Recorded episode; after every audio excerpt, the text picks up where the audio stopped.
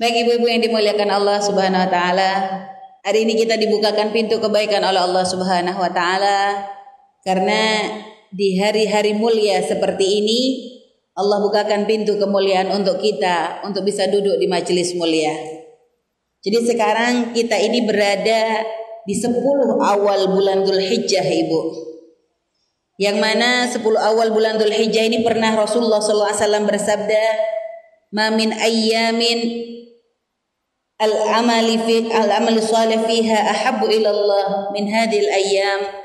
Jadi tidak ada hari di mana amal-amal soleh yang dilakukan di hari ini ini lebih dicintai oleh Allah Subhanahu wa taala dibanding amalan yang dilakukan di hari-hari yang lain. Jadi tidak ada amalan yang keutamaannya, yang pahalanya yang pangkatnya itu maksudnya tingginya di hadapan Allah, mulianya di hadapan Allah, artinya lebih dicintai oleh Allah Subhanahu wa taala, itu lebih di, uh, lebih bagus daripada amalan yang dilakukan di 10 awal bulan Dzulhijjah ini, Bu. Jadi nggak ada bisa amalan lain mengalahkan. Sampai dikatakan walal jihad ya Rasulullah. Apakah kalau ada orang berjihad misalnya melakukan jihad di selain hari 10 awal bulan Dzulhijjah. Apakah pahalanya masih lebih gede amal baik yang dilakukan di 10 Dzulhijjah? Sampai dikatakan oleh Nabi walal jihad. Artinya pahala jihad masih kalah dengan amalan baik yang dilakukan di 10 awal bulan Dzulhijjah. Ya, Ibu. Jadi pahalanya rupanya gede banget. Amalan baik apa, Umi? Banyak banget ibu. Kalau nanya amalan baik banyak. Tapi memang paling penting adalah berpuasa itu adalah keutamaannya tinggi. Jadi puasanya bukan hanya di hari Tarwiyah dan Arafah. Kalau mungkin memungkinkan tidak ada halangan, ibu tidak ada pergi safar atau apa pun, maka dari tanggal 1 sampai tanggal 9 itu sangat dianjurkan. Bahkan sampai dikatakan ibu, 10 awal Dzulhijjah amalan yang dilakukan dikatakan 10 awal Dzulhijjah itu lebih bagus daripada 10 akhir bulan Ramadan. Padahal 10 akhir bulan Ramadan sudah luar biasa. Hanya 10 akhir bulan Ramadan Allah berikan kemuliaan di situ ada malam Lailatul Qadar. Sehingga para ulama berkesimpulan kalau malam yang paling bagus adalah malam 10 akhir bulan Ramadan tapi kalau hari yang paling bagus adalah hari 10 awal bulan Dzulhijjah. Kenapa kok dikatakan lebih bagus? Karena semua kebaikan bisa dilakukan di bulan ini. Di bulan Ramadan ada puasa ya, di tanggal ini pun di hari 10 awal Dzulhijjah kita pun disunnahkan puasa. Hanya bedanya di Ramadan wajib di sini sunnah. Setelah itu apa lagi? Bersodakoh sama di Ramadan pahala, di sini pun pahala. Akan tetapi yang istimewa di bulan ini, di hari-hari ini adalah di sini adalah musimnya orang melaksanakan ibadah haji dan itu tidak ada di hari-hari yang lain. Jadi saudara-saudara kita sekarang ada yang sedang dikasih nikmat oleh Allah untuk bisa melaksanakan ibadah haji. Dan ini hanya ada di bulan Dzulhijjah. Belum lagi nanti di hari rayanya dan juga setelah hari raya tasyrik juga itu Bu ya, itu ada kesunahan bagi kita untuk apa Bu? menyembelih kurban. Sehingga maksudnya apa? Di sini ini kebaikan dikumpulkan. Puasa ada, sodakoh ada, haji iya, gitu loh Bu. Makanya di hari-hari dan ini memang nikmat bagi umat Nabi Muhammad Sallallahu Alaihi Wasallam. Kita ini dikasih umur pendek oleh Allah. Umat Nabi nggak umurnya nggak ratusan, nggak ribuan. Tapi dengan umur yang ya puluhan, umur puluhan bu ya. 70 aja sudah luar biasa itu. 70, 80 itu sudah Masya Allah. Dan itu umat Nabi Muhammad tuh rata-rata umurnya ya kurang lebih segitulah. 60, 70, 80. 100 aja udah susah nyarinya bu. Ya, akan tetapi kita dibukakan pintu kebaikan tuh banyak oleh Allah. Ramadan kemarin kita dikasih kemuliaan bisa ketemu bulan Ramadan lalu ada nanti spesialnya pangkat apa yang paling yang paling puncaknya adalah 10 akhir Ramadan. Di mana kita di situ berlomba-lomba iktikaf dan sebagainya. Akan tetapi mungkin Apakah ketika Allah mengatakan ini Hijjah juga bagus? Apakah ini saingan? Gak ada saingan. Ini hanya kesempatan yang dibuka sebanyak-banyaknya oleh Allah. Artinya kalau ibu kemarin di Ramadan teledor, mungkin ibu di Ramadan kemarin kurang kencang ibadahnya. Sodakohnya masih mikir-mikir, maju mundur, maju mundur gitu loh bu. Masih uh, ragu lagi. Sudah mau dikeluarin masuk lagi ke kantong. Jadi baju baru misalnya. Sodakohnya kurang nih, ibadahnya kurang, itikafnya kurang, bangun malamnya kurang. Puasanya juga masih masih belum serius nih. Oke, puasa fardu iya dilakukan, tapi mungkin sambil ngomongin orang dan sebagainya. Ini sekarang kita nih dikasih kesempatan lagi oleh Allah Subhanahu wa taala untuk kita bisa melakukan kebaikan yang lain lagi. Nih, ada kebaikan lagi nih di hari ini. Artinya apa? Karena Allah ingin memuliakan umat Nabi Muhammad Shallallahu Alaihi Wasallam agar kita tuh masih berusaha masuki pintu-pintu kebaikan, pintu-pintu kemuliaan yang dibukakan seluas-luasnya untuk kita ibu. Nanti setelah ini ada Muharram, setelah itu ada nanti Rabiul Awal, Ya Bu ya. Setelah itu nanti ada lagi yang namanya Rojab, aja namanya Masyaban, masuk lagi Ramadan, muter aja kita nih Bu dengan kemuliaan seperti itu. Artinya ada banyak kesempatan bagi kita menuju kemuliaan di hadapan Allah Subhanahu wa taala. Maka jangan sampai kita sia-siakan. Dan pintu kebaikannya semuanya memang puasa adalah utama. Tapi bagi yang susah untuk puasa, ya, bukan berarti ditutup kebaikan yang lain enggak. Ibu mungkin puasa susah.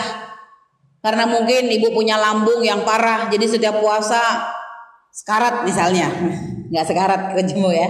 Mungkin kalau puasa langsung nggak karu-karuan tambah sakit akhirnya malah nggak bisa ngurus suami dan sebagainya ya sudah. Berarti ibu mungkin jangan ambil puasanya ibu bisa mungkin ambil sodakohnya ya bu ya. Ibu bisa ambil kiamul lailnya ibu bisa sambil ningkatin iktikafnya boleh nggak ada masalah. Dilakukan itu semua. Ya juga termasuk mungkin ibu mengambil untuk bisa menyembelih kurbannya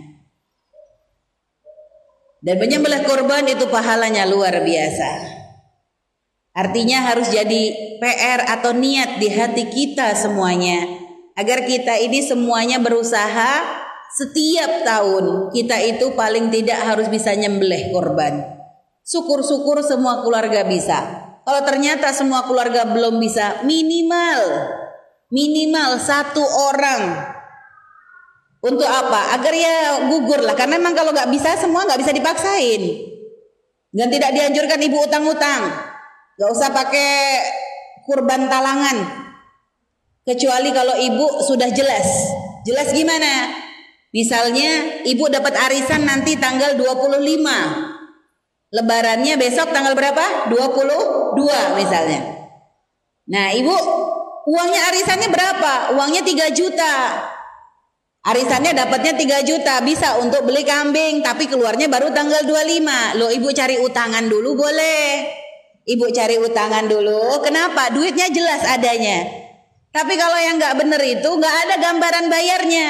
Hanya karena gengsi gak enak tetangga motong. Saya kalau nggak motong malu. Utang sana utang sini giliran bagian bayar bingung. Akhirnya orang kalau sudah kepepet menghalalkan berbagai macam cara nggak mikir halal, nggak mikir haram, semuanya dilewatin. Naudzubillah. Jadi ibadah itu semampu. Artinya kalau memang mungkin ibu, misalnya orang anggota keluarga ibu lima, ibu beli lima kambing luar biasa. Tapi nggak mampu umi, ini kebetulan lagi banyak keperluan, anak sekolah ini itu dan sebagainya. Ya sudah deh, satu. Kalau bisanya satu, satu. Bisanya dua, dua. Intinya usahakan agar kita ini ya Bu ya, agar kita ini bisa berkorban. Dan memang namanya sunnahnya korban itu sunnah ainiyah, sunnah perorangan.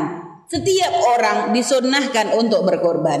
Lah kalau memang ibu tidak mampu, maka ambillah sunnah kifayah satu mewakili semua. Tapi bukan berarti yang sudah biasa lima langsung dipotong jadi satu itu nggak bener. Bu ya, biasanya sih satu-satu. Gara-gara Umi ngomong gini satu aja, ini cetil ini nggak bener. Ini artinya kesempatan bagi siapa pun jangan nyerah gitu loh. Kalau memang kita nggak mampu satu orang satu dari keluarga kita, minimal satu diniatkan ke salah satu orang ke keluarganya, ke kepala keluarganya, kek bapaknya, kek ibunya, kek anaknya, kek. Maka ini dianggap ini kayak sunnah kifayah. Ya artinya insya Allah yang lainnya dapat kebagian pahala semua. Karena memang mampunya satu. Ya bu ya. Ini kadang orang sering salah paham gara-gara begini akhirnya enak banget kalau gitu kurban satu bisa untuk rame-rame Ya nggak bener dong ini nanti. Akhirnya orang jadi pelit-pelit semuanya. Biasanya ngasih banyak, akhirnya dikorting. Ngasih sapi jadi kambing satu kan nggak bener. Berarti merosot dong ibadah kita. Kita tidak ingin ibadah kita merosot. Pengennya setiap tahun kita meningkatan. Kalau tahun kemarin saya bisa kurban cuma satu keluarga satu, maka tahun ini saya niat tahun apa satu kurbannya dua untuk satu keluarga. Misalnya, ya paling tidak kalau bapaknya, ibunya itu. Baru nanti tahun depan lagi niat ya Allah semoga tahun depan bisa beli tiga. Jadi bertahap, jadi semakin meningkat loh itu namanya ibadah. Ya Bu ya. Jadi usahakan itu. Mi udah deket tapi belum punya duit. Kami selalu ngajarkan kemarin kepada ibu-ibu di mana pun berada. Ibu-ibu yang soleha. Kalau memang ibu belum punya gambaran, ibu pengen dulu deh. Niat dulu. Ya Allah, kalau nanti subhanallah dapat rizki dadakan. Ya bu ya, dapat rizki dadakan. Dan ibu memang gak ada tanggung jawab yang lain. Ibaratnya memang itu rizki lebih lah. Semoga bisa beli kurban gitu aja sudah. Semoga bisa nyembelih kurban. Niat dulu dan sungguh-sungguh niatnya. Karena Allah yang melihat apa yang ada di dalam hatinya ibu-ibu semua. Jadi kalau hati tulus Allah tahu. Hati pura-pura Allah tahu. Ibu yang Allah yang menguasai hati kita kok. Dan pahalanya tuh gede Bu ya. Kami sering mengulang-ulang kisah ini untuk memberikan motivasi Ibu dalam melakukan kebaikan. Karena kadang agar jangan sampai si fakir merasa ah saya nggak bisa kayak orang kaya. Oh enggak. Yang membedakan pangkat kita di hadapan Allah bukan kaya, bukan miskinnya. Tapi bagaimana ketakwaan kita di hadapan Allah. Dan pintu kebaikan itu bukan hanya untuk orang kaya, orang fakir pun bisa mendapatkan kebaikan. Karena pernah diceritakan di akhirat ibu ada orang ketika menerima amal buku amal baik dan buruknya, dia dapat bukunya, dia melihat, dia protes sama Allah, ya Allah, ini bukan buku saya. Akhirnya dijawab, itu bukumu. Kata bukan ya Allah, ini ada pahala sodako. Saya belum pernah sodako ini. Di sini ada pahala, ada pahala haji. Saya belum pernah haji. Gitu. Jadi kalau di akhirat tuh orang jujur ibu, nggak ada orang nipu, kembalian lebih diam-diam itu nggak ada. Jadi kalau memang dapat bukunya ini nggak sesuai dengan amalnya, dia akan ngadu kepada Allah. Akhirnya Allah berfirman, itu adalah buku memang kamu belum melakukan, tapi kamu meniatkan. Kamu belum melakukan, tapi kamu pernah niat. Dan Allah maha tahu atas tulusnya niat hamba Allah tersebut. Orang ini memang gak melakukan, tapi kalau Allah kasih kesempatan, niscaya dia akan berusaha untuk melakukannya.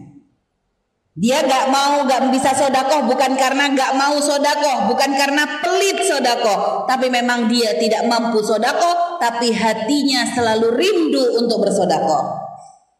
Dia bukan gak bisa haji, bukan karena gak rindu haji, bukan karena gak kepengen haji. Dia sangat rindu haji, dia nangis tiap malam pengen haji, akan tetapi ternyata Allah belum memberikan jalan untuknya untuk bisa melaksanakan ibadah haji. Dan Allah melihat tulusnya orang ini. Kalau sampai ada kesempatan dia tidak akan menyanyiakan kesempatan untuk haji, makanya pahala hajinya sudah dicantumkan oleh Allah Subhanahu wa taala. Jadi urusan kita dengan Allah itu indah ibu. Allah tidak akan memaksakan hambanya di luar dari kemampuannya. Makanya kita pun begitu, ayo rindu, pahamkan makna kemuliaan untuk bisa berkorban. Bahwa di situ ada makna sodakoh. Ada makna sodakoh dan ada makna kita menjalankan perintahnya Allah subhanahu wa ta'ala. Kita berusaha ingin memberikan yang terbaik. Yang terbaik. Untuk Allah subhanahu wa ta'ala. Agar nanti bisa di situ kita berbagi dengan saudara-saudara kita. Ada banyak saudara kita yang butuh. Lihat kanan kiri kita. Mungkin bagi kita sekilo daging mah remeh. Kita bisa beli kapan saja. Mungkin dalam sebulan kita masih bisa makan daging sekali atau dua kali. Tapi bagi saudara kita yang fakir, yang kurang daging itu ibarat surga bagi mereka. Mungkin mereka hanya nunggunya makan daging, nunggu makan daging itu nunggu tiap hari raya kurban. Eh giliran sudah ditunggu-tunggu, nggak taunya kurbannya nggak dapat dapat, apa nggak melas bu? Apa nggak nelongso mereka? Sudah dari tahun lalu, aduh, apalagi mungkin dari beberapa hari ini sudah di Arab-Arab, bentar lagi kurban, bentar lagi kurban. Mungkin gak sedikit yang sudah nyiapin tusuk satenya, Bu.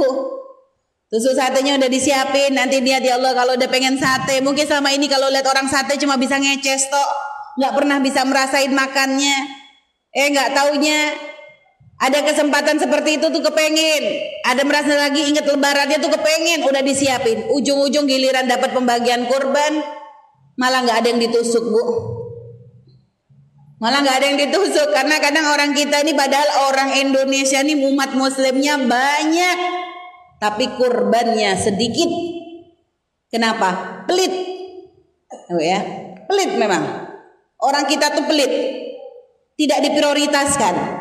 Jadi tidak jauh-jauh hari dipikirkan. Sehingga kadang giliran kurban ya sudah, jadi nggak ditargetkan. Coba kalau kita target dari tahun lalu. Dari tahun lalu mungkin ibu punya celengan khusus, kasih celengan khusus kurban. Setiap ibu belanja kenceleng situ masuk. Habis sisaan belanja tuh ya, habis belanja ada lebih masuk. Mungkin nanti ada dapat ini masuk, tidak boleh diutik-utik. Insya Allah mungkin keluar-keluarnya bisa jadi sapi bu. Siapa yang tahu? Mungkin karena niat tulusnya ibu. Atau mungkin kadang ada orang tuh punya ide sebenarnya. Kalau mungkin orang yang punya kesempatan untuk ngerawat, mungkin dia belinya kambing kecil karena murah. Kambing kecil, beli satu dua ekor dirawatin yang benar karena mungkin dia punya kemampuan. Tapi nggak punya duitnya, belinya yang murah-murah. Eh dirawatin setahun berikutnya ternyata sudah siap dipotong gede bisa. Loh kalau orang mau berpikir tuh selalu ada jalan ibu. Hanya kadang kalau orang sudah menganggap ini Allah cukup seumur hidup sekali udah cukup, itu loh yang bikin salah. Itu loh yang bikin kita nggak semangat. Padahal sunnahnya tiap tahun, bukan seumur hidup sekali. Paham nggak bu? Kalau di Arab ibu, ini kami sering cerita biar ibu semangat.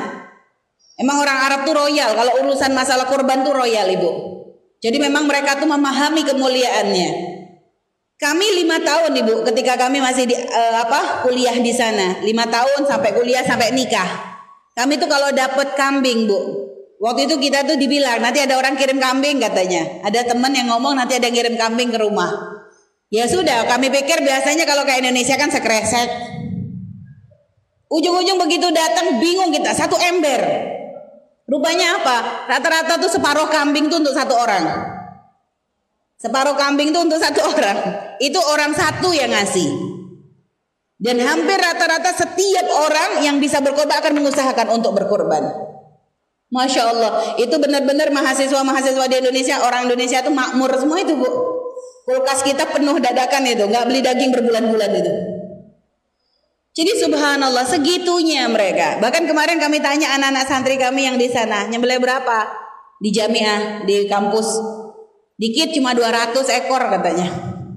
Santrinya cuma 30 yang disembelih. Santrinya cuma 80 yang disembelih 200 ekor. Ini dibagi-bagikan ke orang banyak. Ini kita Masya Allah. Kalau kita bu, satu kampung yang nyembelih cuma satu atau dua orang. Satu kambing dibagi untuk berapa puluh orang. Kadang ya 50 orang atau 100 orang. Jadi orang satu dapat seperempat on. Ya Bu ya, dapat seperempat kilo. Masya Allah, apanya yang mau ditusuk? Mau ditusuk dagingnya nggak nemu daging.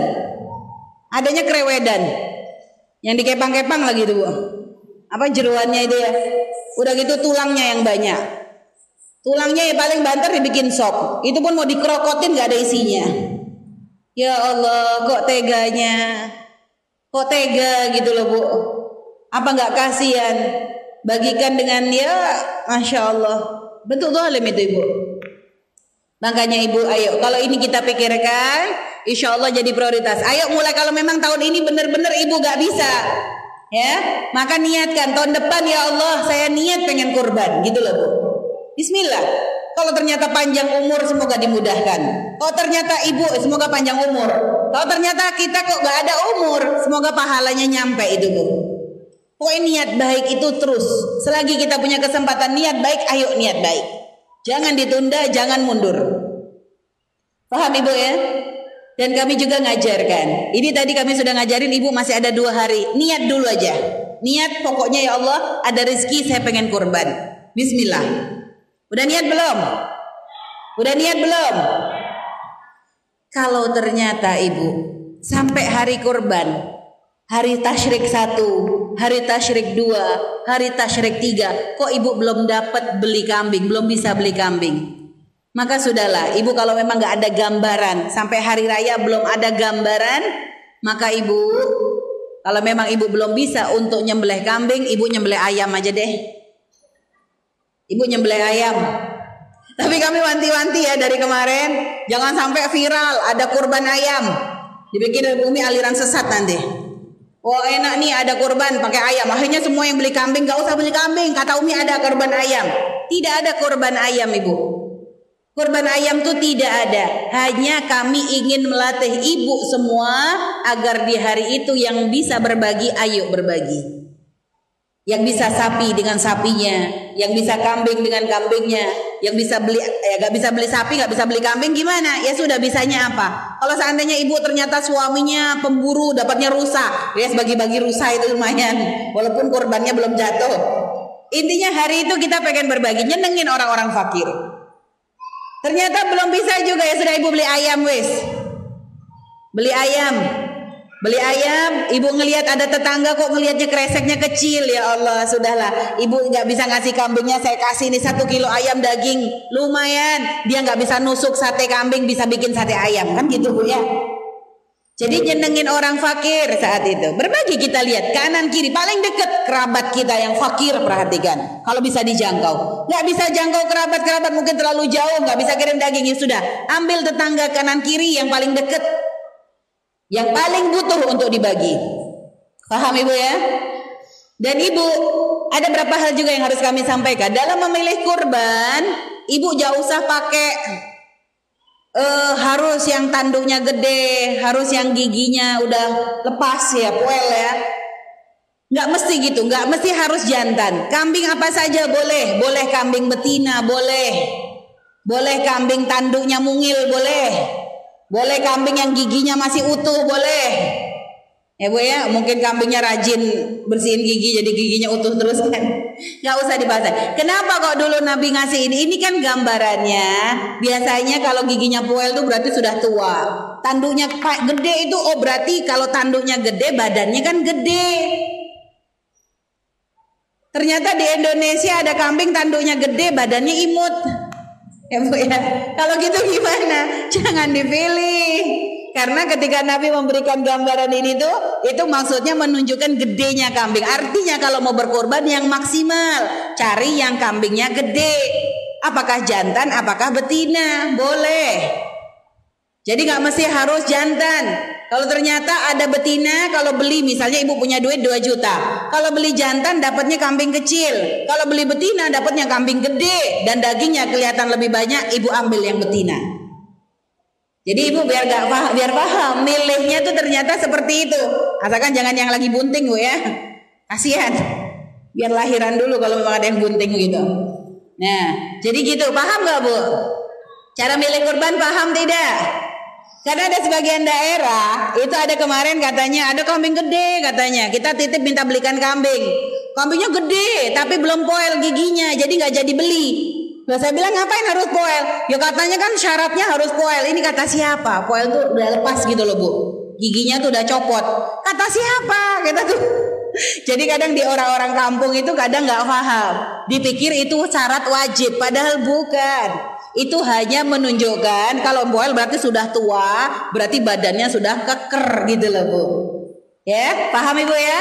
Baik insya Allah. Jadi ibu niatin semuanya dan tadi dalam memilih kambing seperti itu tidak usah maksakan harus seperti syarat. Artinya pokoknya intinya yang paling bisa banyak kita bagi maka itu semakin bagus.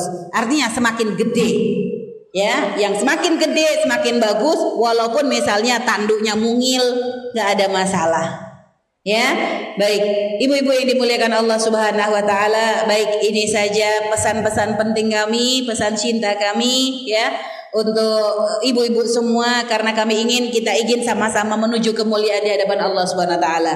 Dan tadi yang disampaikan Mbak Oo memang kami kemarin ada permintaan dari seorang syekh yang ada di Syria, mungkin ada dari orang Indonesia yang ingin ikut berkorban di sana karena di sana memang benar-benar kondisinya kondisi perang itu adalah ya boro-boro mikirin berkorban, mikirin bisa hidup saja sudah sangat bersyukur Bu ya.